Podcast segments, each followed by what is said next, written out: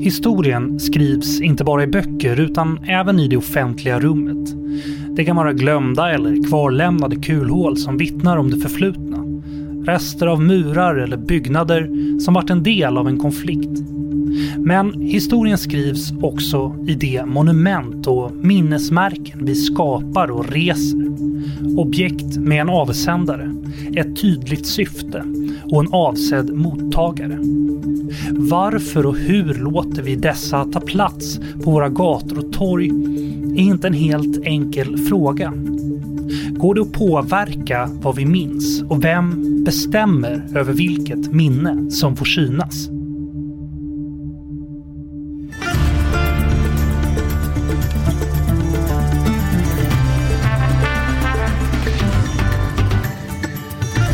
Du lyssnar på Utrikespolitiska institutets podd Utblick. Jag heter Jonas Lövenberg. I det här avsnittet ska vi prata om minnesmonument, deras plats i det offentliga rummet och vad de har för betydelse. Jag har med mig Johanna Mannegren Selimovic. Du är docent i freds och utvecklingsforskning och associerad seniorforskare på Utrikespolitiska institutet. Du jobbar med frågor kring fredsprocesser efter krig och speciellt med fokus på övergångsrättvisa, försoning, minnespolitik och även genusfrågor. Välkommen! Tack så mycket. Vi har också med oss Robert Staszinski. Du arbetar som kurator, konstnär och är chefredaktör för tidningen Konstnären. I ditt arbete har du också intresserat dig för just kopplingen mellan konst och politik och civilsamhälle. Välkommen du med. Tack. Kul att ha er båda här. Till att börja med så måste vi vrida och vända eh, på några begrepp här. Minnesmonument kan ses som en del av vad som kallas för minnespolitik, vilket är en del av utgångspunkten för dagens avsnitt. Johanna, kan du förklara vad minnespolitik är och hur hänger det ihop med minnesmonument? Ja, man kan väl beskriva minnespolitik som eh, hur historien tolkas och används för samtida ändamål. Så då blir det så att hur vi beskriver historiska händelser blir så att säga en politisk fråga. Eftersom att man genom att ha makt över hur det förflutna beskrivs och uppfattas, så kan man också då skaffa sig makt i nuet. För det som är viktigt här är ju att det alltid sker ett urval. När vi uppmärksammar en del aspekter av det förflutna så glömmer vi så säga, bort andra. Eh, så det är klart att då, den fråga man måste ställa sig då är ju vad är det som gör att vi som samhälle vill komma ihåg just det här? Finns det kanske alternativa berättelser som inte kommer fram, alternativa röster? Ehm, så det här är de frågorna man ställer sig när man pratar om minnespolitik. Och var får monumenten plats i det här då? Ja, monumenten blir ju en aspekt av minnespolitiken. Det är ju, monumenten kan man säga förankrar minnespolitiken i det fysiska rummet. Det är det vi ser när vi går på gator och torg och som vi lägger märke till. Sen kan ju minnespolitik utspela sig i en massa andra rum, till exempel hur man eh, undervisar i skolan, ehm, hur man firar vissa dagar eller andra liksom, såna nationaldagar och så. så att, men monument är ju en väldigt tydlig eh, exempel på minnespolitik som vi alla konfronteras med i vårt dagliga liv. Just det, en, en annan fråga gäller just benämningen här, om det vi pratar om idag. Alltså, ska man kalla det för monument, minnesmonument, minnesmärke? Spelar det här någon roll, Robert? Ordet monument är, är, är ett, ett otroligt brett men också ganska fint ord därför att det är ett ord som har betytt um, en fysisk gestaltning, en slags liksom fysiskt eh, fysiskt skapande av då stora, stora känslor. Alltså det är som en som metafor kan man säga över hur kroppen och hjärnan och vår historia överhuvudtaget funkar. Att vi, vi kan liksom inte tänka i komplicerade begrepp. Vi behöver stora, enkla strukturer eller ord eller känslor för komplexa händelser. Och Monument har nog blivit eh, den plats för vilken vi ofta antingen under samtiden eller efteråt tillskriver någonting. Så att i, i, i den här begreppsvärlden så tror jag ett minnesmärke är någonting som traditionellt i svenskan i alla fall används mer för att beteckna eh, en, en plakett eller en, en, beställd skulptur eller en park eller en plats eller en gata som eh, påminner om någon, någon, väldigt, väldigt stor händelse. Eh, Tsunami-katastrofen eh, till exempel. Medan ett monument är vad vi liksom generellt i konstvetenskapen väldigt ofta talat om eh, som kopplat till en viss person eller ett krig eller någon, någon, någonting som har varit mycket mer individuellt kopplat. Men jag menar, vi pratar ju fritt också om monument som Taj Mahal och, och pyramiderna i, i, i Egypten. Så, så, att, så att det kan vara nästan till vad som helst. Men lite grann som, som, som vi har pratat om tidigare så handlar det nästan alltid om att det finns, det finns ett väldigt starkt syfte att minnas någonting och det är den här historien, att man pekar mot någonting som har inträffat. Eh, man gör liksom inga framtidsmonument utan det är någonting som har inträffat och nu ska det gestaltas och det är någonstans där mitt intresse kommer in. Mm. Vill du säga något också? om... Ja, jag tänker att eh, monument är ju någonting som blir väldigt ett ett tydligt avtryck och som ju då som du säger ofta har en, kanske en, en konstnärlig ambition av något slag. Minnesmärke är ju en bredare definition. Men sen skulle jag också i smeten här vilja slänga in eh, minnesplats. Mm. Eh, därför att minnesplats eh, är ju någonting man betecknar för där eh, en autentisk plats, där någonting faktiskt har hänt. Och det i sig då blir ett ställe där man minns på, ja, det mest kända och är förstås Auschwitz. Eh, man åker till det, det ställe där brotten har begåtts. Um, finns ju många andra sådana ställen. Uh, och, och, där kan man ju då ofta se en kombination av att på minnesplatsen så finns det ett monument Så det är många lager i detta.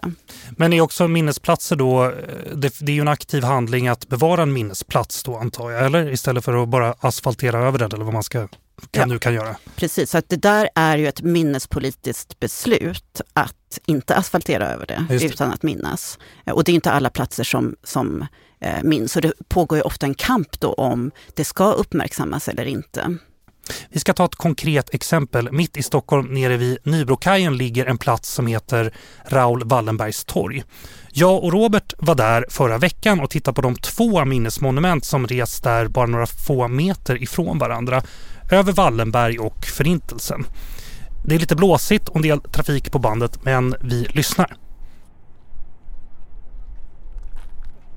I slutet av 90-talet så kom en tävling, en, en skulpturtävling startades för att skapa ett Raoul Wallenberg-monument. Och det var ett antal konstnärer som eh, bjöds in att skissa. Man valde mellan de skisserna och det blev en abstrakt dansk konstnär som heter Kirsten Ortved som gjorde ett Raoul Wallenberg-monument. Några år senare, efter i princip då samhällsreaktioner som vi återigen pratar om så bestämde sig judiska församlingen för att vara med och finansiera och ta fram ett annat monument som kanske var lite mer då åt det traditionella hållet som påminde om ett historiskt monument snarare än ett samtida konstverk. För Ortveds monument till Raoul Wallenberg mottogs inte särskilt entusiastiskt. Verket är en grupp abstrakta skulpturer i brons. Av vänligt inställda har de kallats för sfinxliknande av andra för kluttar. Kritiken ledde till debatt och sedan till att det andra monumentet restes. Så eh, Kirsten Ortveds skulptur är en, en typisk, vad vi skulle kunna säga, en dekonstruktion, ett slags antimonument. Det påminner inte alls om det vi tror jag tänker på när vi tänker om monument. Vi tänker på en person, figur, stå på en pelare högt upp. Stadsplaneraren och arkitekten Alexander Wolodarskis monument Vägen är enklare att beskriva och kanske att förstå. Det är en kula av granit med en dikt på flera språk huggen i den skrovliga ytan.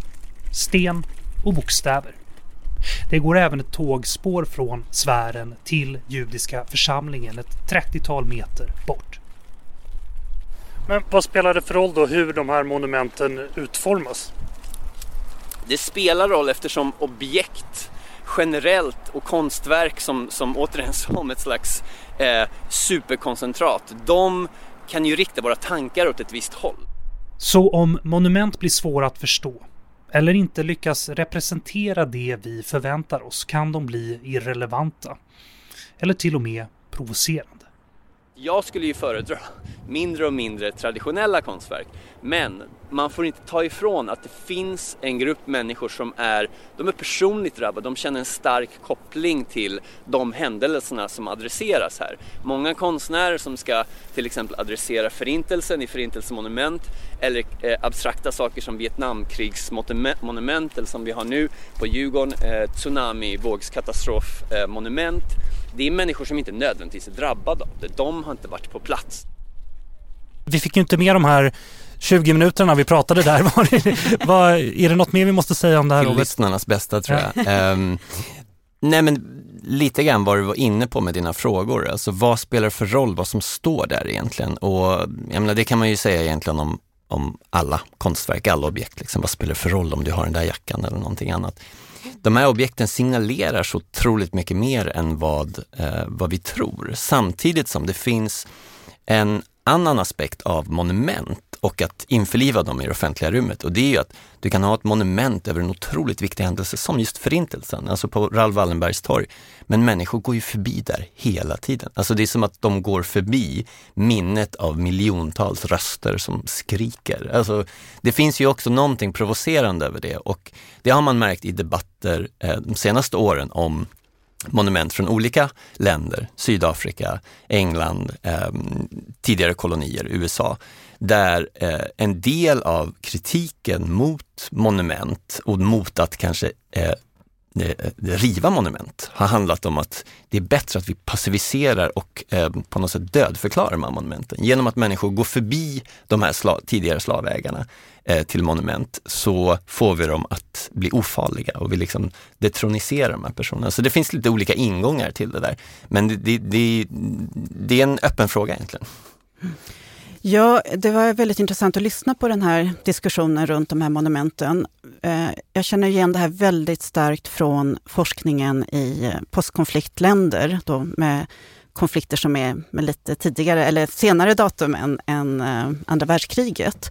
Eh, och vad man kan se bland undersökningar bland överlevare är att det här är en otroligt viktig fråga med monument, med att få ett erkännande för vad man har gått igenom. Ehm, men sen så när monumenten väl är på plats eller inför att de ska resas så uppstår det ju väldigt ofta de här diskussionerna. Och, och vem är det som ska känna sig representerad? Och går det att representera den här enorma förlusten? Och det är väl där det finns det här glappet.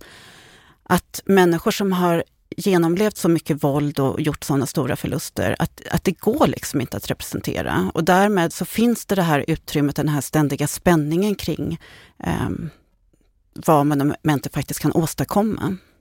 I, I det här exemplet, eh, båda de här eh, verken då har ju rest för att minnas Raoul Wallenberg eh, i det här sammanhanget som någon typ av hjälte.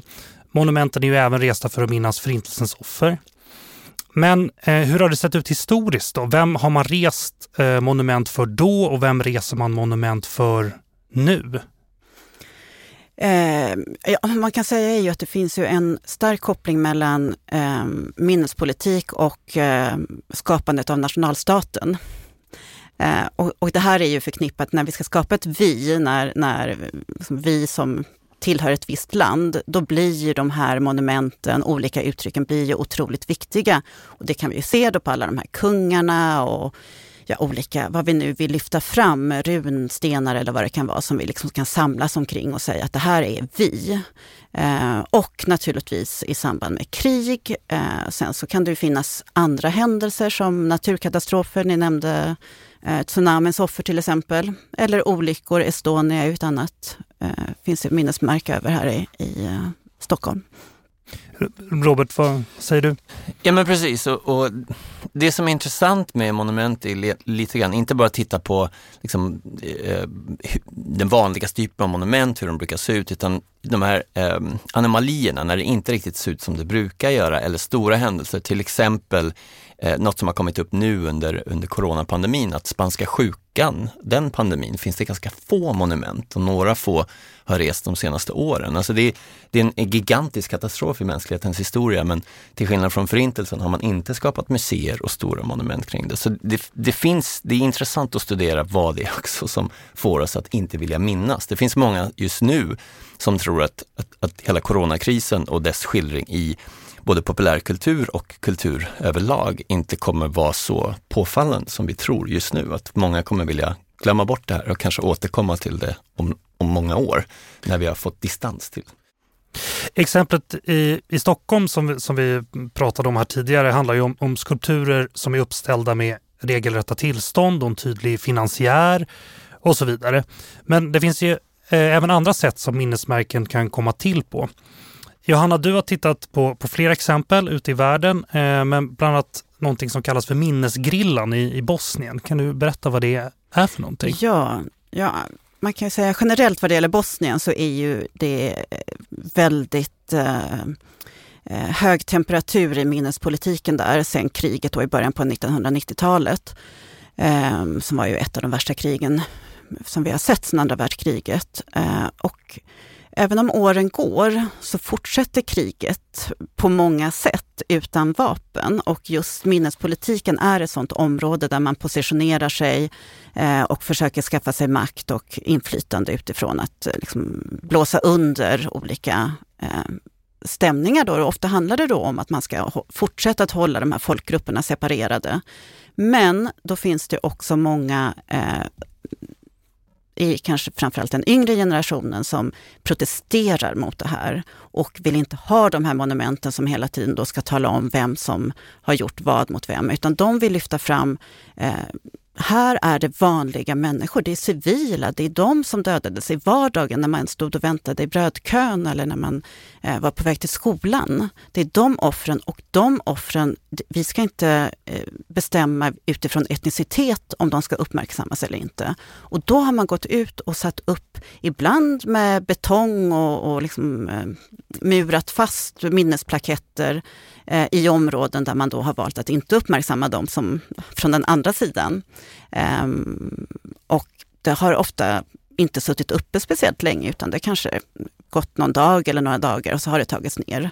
Men det här är ju också ett exempel då på att det är ju själva monumentet naturligtvis, men det är också handlingen. Det blir ju som en ja, men nästan som en installation att göra detta. Och det blir ett sätt att fortsätta förhandla minnet och visa på en mer inkluderande eh, förhållningssätt till historien. Men, och hur tas det här emot då? Alltså, ja, då finns det en sida som river ner dem förstås, men, men eh, eh vad, vad har de fått för mottagande, de här plaketterna? Ja, väldigt blandat, men, men med ganska mycket ilska då från den andra sidan. Ja, jag känner också till ett annat fall eh, när kanske tio år efter kriget så en grupp kvinnor som hade suttit i ett av de här fruktansvärda våldtäktslägren i en liten stad som heter Fortia. Eh, ett av de ställen där de hölls fångna är som så här kulturhus ungefär mitt i, i samhället och där det inte syntes någonting eh, vad som hade pågått där. De här kvinnorna åkte tillbaka och just satte upp en sån här plakett. Men de blev ju eh, alltså väldigt hårt ansatta då av folk som gick dit och mer eller mindre körde bort dem och, och, och så. Eh, och vad jag känner till än idag så finns det ingen minnesplakett på den här byggnaden. Så det är liksom, minnesmonumenten kan vara en fortsatt kamp helt enkelt? Absolut. Robert, vad säger du om, om grillartaktik för att upprätthålla ett minne? Ja, jag tror att det, det är jätteintressant, därför där kommer vi återigen in till att förhålla sig till olika idéer, stereotyper, arketyper kring vad ett monument är och sen, sen gör man någonting utifrån det. Det kan vara politiskt statement, ideologiskt, men det kan också vara någonting som, som är socialt viktigt för en grupp. Um, där kan man ju vara, ett, ett, fint exempel bara de senaste åren kommer just från England där Edward Colston, den här, den här um, viktiga figuren men som också var en, en en slavägare i, i brittisk historia finns monument över honom och, och i ett så berömt Youtube-klipp så drar en, en, eh, en folkmassa ner den och slänger ner den i, i floden precis bredvid. Och strax efteråt så föreslog Banksy, den här evige eh, gatukonst, självkonstnären, eh, föreslog ett monument som bestod av eh, den här skulpturen som man skulle släppa upp ur floden, ställa den på kant, sätta fast eh, några linor och sen gjuta av några av protestaktivisterna som ett, ett, ett monument över rivandet av monumentet. Och det, det är en typisk sån eh, lite liksom så här skälmsk ingång till men som har ganska stor betydelse för allt det vi pratar om, om monument. De måste förhålla sig någonting och sen skapar man antimonument och så skapar man nya idéer att förhålla sig till. Ja, jag har ett annat exempel på det när eh, det här, om ni känner till det här afrikanska museet i Belgien utanför Bryssel. Museet i sig är ju som ett monument över kolonialismens alla, alla brott, men det har ju då inte kritiskt reflekterats över det här, utan det har ju bara stått där. Men för ungefär tio år sedan då så stängde museet och så öppnade för ett par år sedan då, när man hade renoverat och gått igenom samlingarna, bjudit in eh, kongolesiska artister och så vidare. Och jag gick eh, runt på någon sån här förhandsvisning tillsammans med en rwandisk kollega. Och han blev liksom bara tystare och tystare när han såg vad de hade försökt göra. Och hans kommentar efteråt var, det hade varit bättre att gjuta in hela museet i någon form av sarkofag och bevara det som ett monument mm. över vår tids mm. syn och vår tids eh, alltså syn på rollen som vad museer gör och bygga ett nytt museum vid sidan av. Oj, ja men det sammanfattar andra strategier eh, som har kommit upp de senaste åren, framför allt sen, sen Roads Must Fall, de här eh, eh, rörelserna från Sydafrika, USA, som även finns runt om i Europa och postkommunistiska länder om att eh, helt enkelt dra ner, radera eller ersätta monument. Och det finns så många olika strategier som konstnärer, kuratorer och andra har. Ett är till exempel då att gjuta in eller bara skapa någon slags plats runt ett befintligt monument och sen en plakett som förklarar, liksom, titta, lite som att titta på ett zoo, eh, zooexemplar. Ett annat är att skapa liksom, motmonument, så att man har kvar det här monumentet så gör man någonting mycket, mycket maffigare, någonting problematiserande bredvid. Men går det att styra vad vi minns med ett minnesmonument då? Ja, det skulle jag vilja säga att det kan man vara väldigt framgångsrik med. att styra. Du kan ju aldrig totalt kontrollera, men jag tror att det är ett, ett, ett effektivt verktyg i händerna på en makthavare och likaså i händerna på någon som vill förändra. Att då riva ner eller förändra monumentet och så. Så att det är ju en, det är ju en, ehm, liksom en, en fysisk manifestation av en ehm, väldigt levande del av samhället. Men även idag då, för man tänker att Eh, Eh, det är ett väldigt gammeldags sätt att, eh, eh, att befästa ett minne eller föra fram en åsikt, att resa, ställa upp någonting i sten och brons ute på stan. Är det, är det fortfarande ett effektivt medel? Jag tror att det är det. Jag tror att det, det, det, blir ju ofta stor debatt omkring det och folk förhåller sig till de här monumenten. Man går dit, man lägger blommor. Så att vi tar in det här i vår vardag. Eh, men det är klart att, att, hur formen ser ut eh, är ju väldigt viktigt då. Att, att just att, att som medborgare kunna möta de här monumenten på ett sätt där eh, det inte finns alla de här liksom instruktionerna för eh, hur och vad jag ska känna. Eh, och jag tänker på två olika monument, eller två olika minnes... Ja, mm, sorts kombination av monument och minnesmärken från två postkonfliktsamhällen som jag skulle kunna ge exempel på. Ehm, det ena, om vi stannar kvar i Bosnien, då, är det som man brukar kalla för Sarajevo Roses. Ja. Eller Sarajevos rosor på svenska. Ehm, och det är ju en form av både monument och antimonument kan man säga. Och det är också en minnesplats, därför att det här är en autentisk plats där våldet eh, utspelade sig. Hur ser de ut? Du måste berätta hur de ser ut. Ja, de är alltså röda märken i trottoaren eller i gatan. Det är hål efter granater. Hål efter de flera hundratusen granater som regnade över staden under belägringen. Eh, och som är, ganska snart efter kriget eh, liksom mer vanliga människor, det kom inte uppifrån, men man bestämde sig för att fylla de här eh, märkena med röd färg och harts eh, som då bildar ett mönster som ser ut som rosor i asfalten. De här rosorna, eh, till stor del så finns det inga plaketter, ingenting som berättar vad det är för någonting. Du går över dem, du promenerar över dem. Så att på det sättet är de ju del av stadsbilden. Eh, och du kan själv bestämma hur du ska förhålla dig till det. Vissa kanske inte känner till vad det är. Du kommer som besökare. Andra är djupt medvetna om vad som hände på den här platsen och när det var på riktigt blod då i de här eh, märkena. Eh, och för mig är det ett, ett, sätt att öppna upp minnespolitiken i ett sånt eh, polariserat samhälle som Bosnien. Att du har chans att gå där, du har chans att förstå våldet, du ser märkena efter våldet eh, och du kan eh, ja, förhålla dig själv till detta. Och ibland kanske du stannar upp och tänker efter, ibland så skyndar du till bussen och, och, och struntar i det.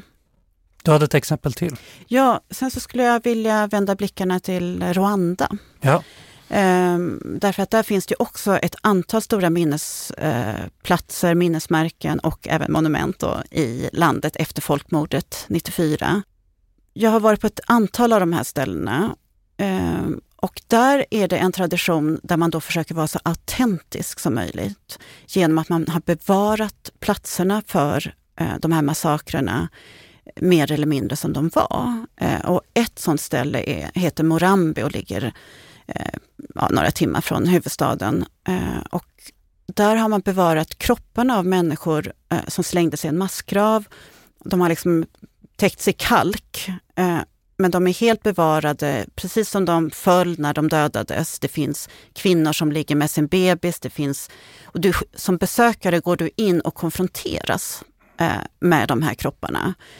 Jag kände mig oerhört illa berörd efter att ha varit med om den här upplevelsen. Jag kände att jag hade varit med om någonting som jag önskar att jag inte hade varit. Jag kände att det var ytterligare ett övergrepp mot de här människorna som hade dödats, som nu låg här namnlösa. Eh, och jag undrade, vad ville vad vill eh, de styrande i Rwanda med mig och med den här upplevelsen? Men, men, går det inte att argumentera där, jag är absolut inte emot din upplevelse, men kan ett argument vara att vi måste bevara den här platsen i, i, i sin fulla hemskhet för att vi inte ska göra om det här? Eller något sånt där. Finns det en sånt resonemang ja. bakom då? Och det där är ju, om jag tidigare talade om det första, eh, varför man vill göra de här autentiska minnesplatserna, handlar ju om erkännande av offrens upplevelse. Det andra argumentet brukar ju vara just detta, det ska inte upprepas. Vi måste komma ihåg för att inte göra det här igen. Ja, vi vet ju att väldigt mycket hemskheter pågår i detta nu, vare sig vi kommer ihåg folkmordet i Rwanda eller inte. Så att, eh, det är också bittert kan man ju säga. Men samtidigt, ja, det är klart att vi ska komma ihåg vad som har hänt. Men om det sker på bekostnad av att offren utnyttjas och fortsätter att utnyttjas om och om igen så är jag tveksam till det. Samtidigt så är det en upplevelse, när jag, när jag eh, kom därifrån så var det också som att jag på något sätt hade gläntat till dörren till folkmordets fruktansvärda fasa. Alltså hur mycket kunskap om kontext behöver ett, ett minnesmärke tror du för att det ska fungera? Eller vad man nu ska säga. För att det ska gå att ta till sig? Alltså, frågan är ju lite konstigt ställd. Um, därför att vi upplever de här sakerna både intellektuellt och känslomässigt. Och jag tror att, att uh, många av de här monumenten och minnesplatserna kan du uppleva uh, utifrån din känslomässiga reaktion. Du behöver inte ha all den här kunskapen. Um, ibland behöver du mer kunskap och ibland behöver du mindre. Jag tror precis som du säger, men jag tror också att det finns en utgångspunkt i att vissa personer, och jag skulle säga kanske majoriteten av, av människor vill inte riktigt ha objekt och verk i det offentliga rummet, monument, som stör väldigt mycket, som är väldigt jobbiga och som kräver massa saker som gör mig ledsen, som gör mig sorgsen eller som kanske väcker trauman. Och så. Jag tror att det finns en stor sån grupp som kanske ser monument och konstverk snarare som att vi ska se exempelvis Raoul Wallenberg, vi ska se hans storhet, vi ska se att han var en liksom, modig person. Vi ska hylla han, honom och se honom som ett exempel, inte skildra död, förruttnelse, förstörelse, ondska och så vidare. Så jag tror det utgår också från eh, vad man har för utgångspunkt. Jag tror många, många konstpersoner, mig inkluderad, tycker nog att det offentliga rummet kan innehålla allt möjligt. Det kan innehålla skräck och, och ganska hemska, svåra, tunga händels, eh, känslor, men också innehålla glädje och så vidare. Som jag tror jag för sig att det kommersiella redan riktar in sig på. Att vi, vi har mycket glädje och underhållning i det offentliga rummet. Så jag tycker att konsten kan vara en plats där man minns tunga, svåra saker snarare än att det bara ska vara något man går förbi på ett enkelt sätt. Vi har varit inne på det förut, men vi pratade ju om formspråket på Raoul Wallenbergs torg där. Men vad spelar formspråket för roll hur vi uppfattar budskapet i ett minnesmärke då?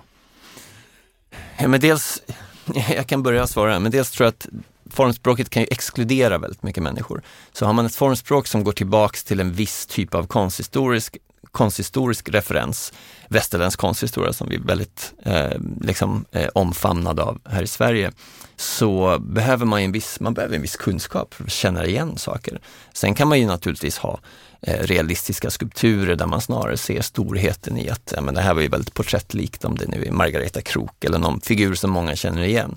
Eh, men så att man kan liksom välja vart någonstans man vill liksom börja att skapa den här direkta omedelbara känslan. Men så kan man liksom förhålla sig också till platsen, så Raoul Wallenbergs torg till exempel. Vad, vad representerar den platsen? Hur komplex kan man göra en skulptur? Där kommer folk stanna, sätta sig på en bänk, titta, fundera, kommer de gå in i ett litet hus? Det finns ju många monument som är gjorda mer som byggnader och sådana saker.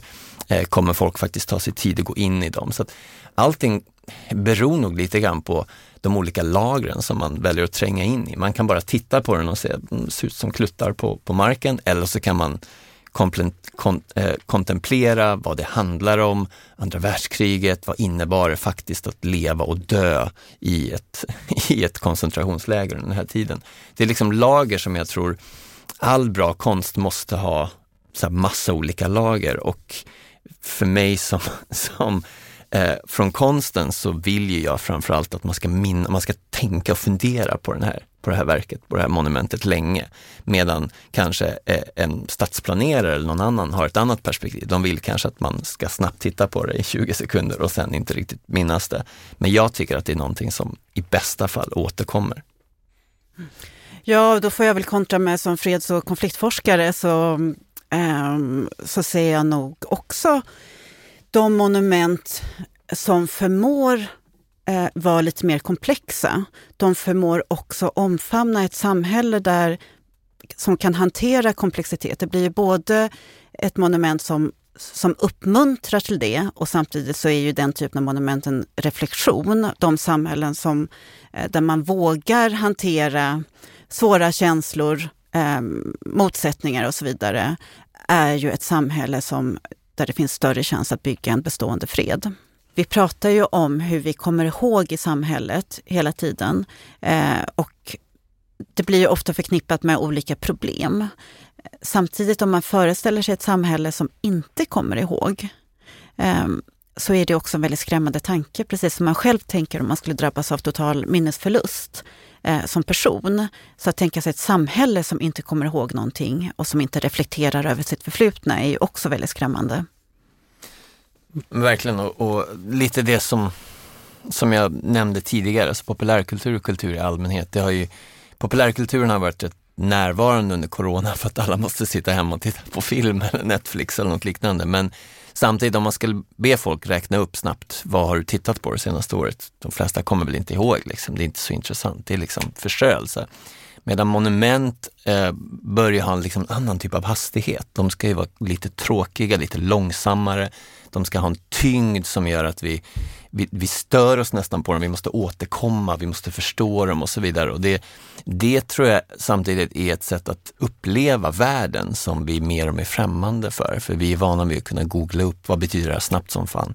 Eh, jag vill veta, är det här en bra film, tv-serie, ska jag söka det här jobbet? Man, man vill kunna googla allt om en person eller om ett fenomen eller ett begrepp. Och monument i det offentliga rummet som kanske bara har en plakett med en titel på, de är ganska otidsenliga på, på ett sätt som jag tycker är positivt, men, men gör också att jag tror fler och fler personer, inte minst unga, liksom mina barn, ehm, de måste man ju verkligen slita från de här otroligt snabba intrycken från skärmar och sånt för att gå ut och uppleva någonting väldigt fysiskt, någonting liksom väldigt konkret och låta tankarna flöda. Alltså vad de nu än flödar åt olika håll. Ehm, utan feedback, det finns liksom ingen feedbackmekanism. Ehm, mot det finns ju då det som du också pratat om, som, som vi har pratat om, alltså mer efemära monument som är mer med på, man skapar ett tillfälligt, en aktion eller en händelse och sen är det monumentet över. Liksom. Och det finns ju mycket tror jag som talar för att vi kommer vara där, därför att det innebär att vi kan liksom på ett mer enkelt sätt aktivt tolka om historien utan behöva slita ner skulpturer och statyer varje gång vi vill eh, skapa en ny liksom, narrativ runt historien. Mm. Men ja. Mm. ja för bara snabbt ja, absolut, kommentera ja. det, för att eh, Jag tycker det var en väldigt bra bild, liksom hur du går med dina barn, sliter dem från skärmen och sen så är det här monumentet där. Och det är ju där på plats, förankrat i marken. Du kan komma tillbaka, dina barn kan komma tillbaka mm. när de kanske är äldre, när mm. de är vuxna. Mm. Men vi som samhälle kan ju också komma tillbaka. Därför att alltså, de här kanske förlorar i betydelse, det puttrar på liksom, man, man håller inte, alltså minnespolitiken är på något sätt lite lågmäld och, och, och sen så flammar upp och så händer det någonting och då plötsligt så står de där monumenten där, då fylls de med en annan mening. Vi har ju kungar till exempel i Sverige som, som folk plötsligt får för sig betyder någonting. Mm. Men så avslutningsvis då, vad, vad, kommer vi resa monument över i framtiden? Och hur kommer de se ut? Till exempel då, vi har pratat om det, men monumentet över pandemin. Mm. Hur kan det komma att se ut? Jag gissar att det kommer vara en av, eh, en av de här händelserna som under lång tid eh, får mycket uppmärksamhet just i, sam, i liksom minnessammanhang. Eh, om vi ska prata om monument, eh, så det kommer vara liksom en del av historien. Man kommer göra tv-serier, dokumentärer om massa olika små detaljer och stora delar av det. Man kommer säkert göra tv-serier om Tegnell och du vet, enskilda individer. Liksom. Kanske monument över honom också. Ehm, så att jag tror att vad som kommer hända är att den här långa kollektiva stora processen runt ett monument som ofta är ganska dold, det här med att liksom samla historier och att politiken utvecklas och att människor minns och berättar för sina barn och sina grannar och går till samma plats återigen, den, den kommer pågå under ganska lång tid. Men jag vågar faktiskt inte spekulera exakt hur det kommer se ut, alltså för att jag jag tror, att, ehm, jag tror att vi verkligen befinner oss Eh, i, så djupt i, i nuet, i samtiden. Vad ska hända nästa månad? När får vi öppna upp? När får vi gå tillbaks till jobbet? När får vi skaka hand och så vidare. Att vi, vi kan, jag, jag har jättesvårt att se bortom fyra, fem år just pandemimässigt. Jag har ingen aning. Vi kanske, vi kanske kommer ha liksom, ansiktsmasker på oss om fem år också. Jag, har helt, ingen, helt enkelt ingen aning. Så att det är en ganska det är en ganska öppen fråga, men just nu vet jag att runt om i världen så är det ett antal olika museer, konstnärer som håller på och jobbar med olika projekt eller har precis tagit initiativ för att sätta igång med minnesmärkesliknande eh, utställningar, projekt eller konkreta skulpturer. Ja, om jag får gissa så tror jag att det antingen kommer bli något eh, menlös eh, grej som bara står. Mm. Eller så kommer det bli något superrealistiskt, en sjuksköterska med visir och gasmask på sig. Och jag tror oavsett vilken av de två det blir så kommer någon skapa något motmonument på någon annan plats. Vi kan räkna med det. Robert Staszinski, kurator, konstnär och chefredaktör för tidningen Konstnären. Johanna Mannegren Selimovic, docent i freds och utvecklingsforskning och associerad seniorforskare på UE. Tack för att ni tog er tid att vara med. Tack så mycket. Tack så mycket. Du har lyssnat på Utblick, Utrikespolitiska institutets podd. Glöm inte att klicka på prenumerera-knappen i appen där du lyssnar på oss. Om du vill läsa mer om institutets forskning och omvärldsbevakning, titta in på ui.se. Om du vill läsa tidningen Konstnären eh, och inte redan får den i brevlådan, gå in på kro.se. Tekniken för det här avsnittet sköttes av Kristoffer Evelön. Vår vignett har komponerats av Frid and Frid. Jag heter Jonas Lövenberg. På återhörande.